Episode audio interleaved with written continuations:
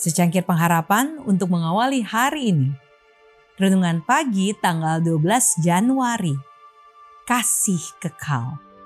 Tetapi jikalau kamu tidak mengampuni orang, Bapamu juga tidak akan mengampuni kesalahanmu.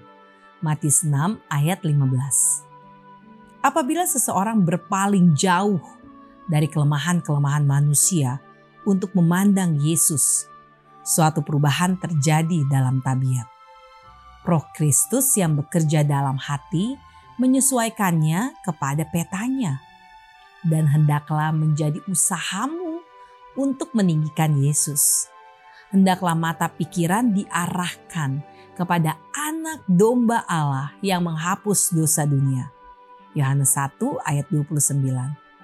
Dan bila mana engkau menggabungkan diri dalam pekerjaan ini, ingatlah bahwa barang siapa membuat orang berdosa berbalik dari jalan yang sesat, ia akan menyelamatkan jiwa orang itu dari maut dan menutupi banyak dosa. Yakobus 5 ayat 20. Tetapi jika kamu tidak mengampuni orang, Bapamu juga tidak akan mengampuni kesalahanmu. Matius 6 ayat 15. Tidak ada yang dapat membenarkan roh yang tidak suka mengampuni. Orang yang tidak mengasihi orang lain menunjukkan bahwa ia sendiri bukan orang yang turut mengambil bagian dari karunia pengampunan Allah. Dalam pengampunan Allah, hati orang yang bersalah ditarik dekat ke hati yang besar dari kasih yang kekal pengasihan ilahi yang melimpah mengalir ke dalam jiwanya orang berdosa dan dari dia mengalir ke jiwa-jiwa orang lain.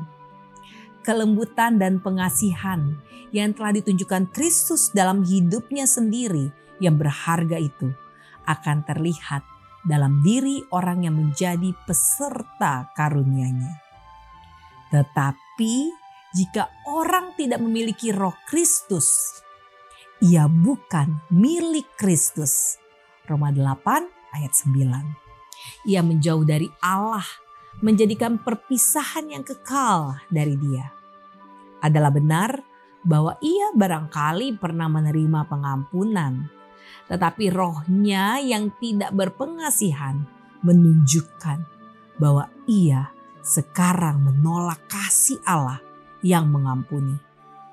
Ia telah memisahkan dirinya dari Allah dan berada dalam keadaan yang sama seperti sebelum ia diampuni. Ia telah menolak pertobatannya dan dosa-dosanya berada di atas dia seperti ia belum bertobat. Tetapi pelajaran penting dari perumpamaan ini terletak dalam perbandingan di antara pengasihan Allah dan kekerasan hati manusia. Dalam kenyataan bahwa pengasihan pengampunan Allah harus menjadi ukuran terhadap dirinya sendiri. Kita tidak diampuni oleh sebab kita mengampuni, tetapi sebagaimana kita mengampuni.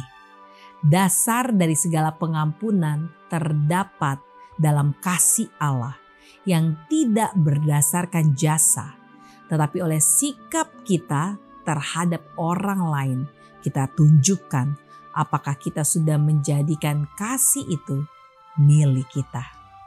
Doa kita hari ini, ajarlah kami mengampuni orang lain seperti yang kau ajarkan kepada kami, yaitu mengampuni dan mengasihi. Amin.